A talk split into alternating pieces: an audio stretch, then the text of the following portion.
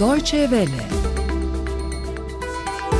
Alman basını Türkiye ve Yunanistan arasında Doğu Akdeniz'de yaşanan yetki alanlarıyla ilgili gerilim 1 Eylül 2020 tarihli Alman gazetelerinde geniş bir şekilde yer bulmaya devam ediyor.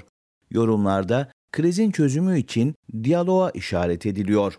Konuyu ele alan gazetelerden biri olan Merkişe Odert Zeitung'dan bir alıntıyla başlıyoruz basın özetlerimize. Yorumda doğalgaz arama anlaşmazlığı konusunda Yunanistan'ın da masum olmadığı ifade ediliyor.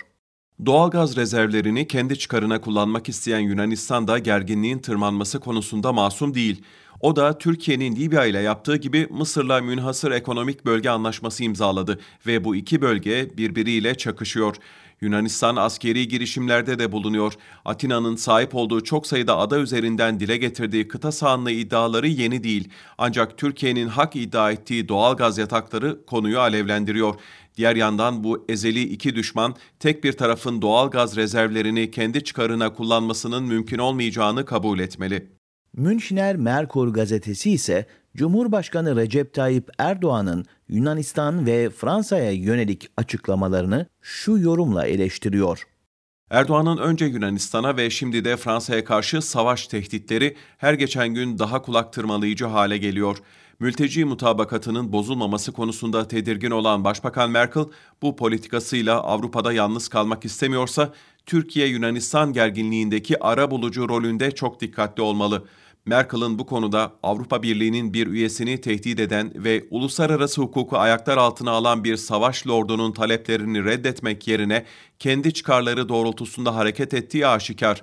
Almanları artık kim anlıyor ki ifadesi Avrupa diplomasisinde sık sık dile getirilen bir cümle oldu. Avrupa Birliği kendini Erdoğan tarafından alay konusu yapılmasına izin vermemeli.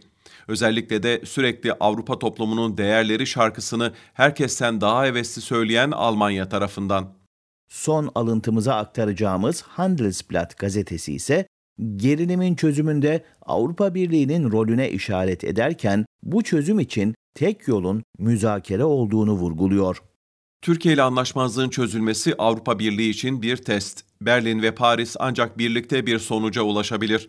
Macron ve Merkel'ın iyi polis kötü polis stratejisi şu ana kadar gerilimi sadece tırmandırdı. İhtiyaç duyulan bölgede daha fazla asker değil, daha fazla diyalog. Ancak bu şekilde tüm koşullar müzakere edilebilir. Silah şovuyla durum sadece daha kötüye gider. Alman basınından yorum özetlerini dinlediniz.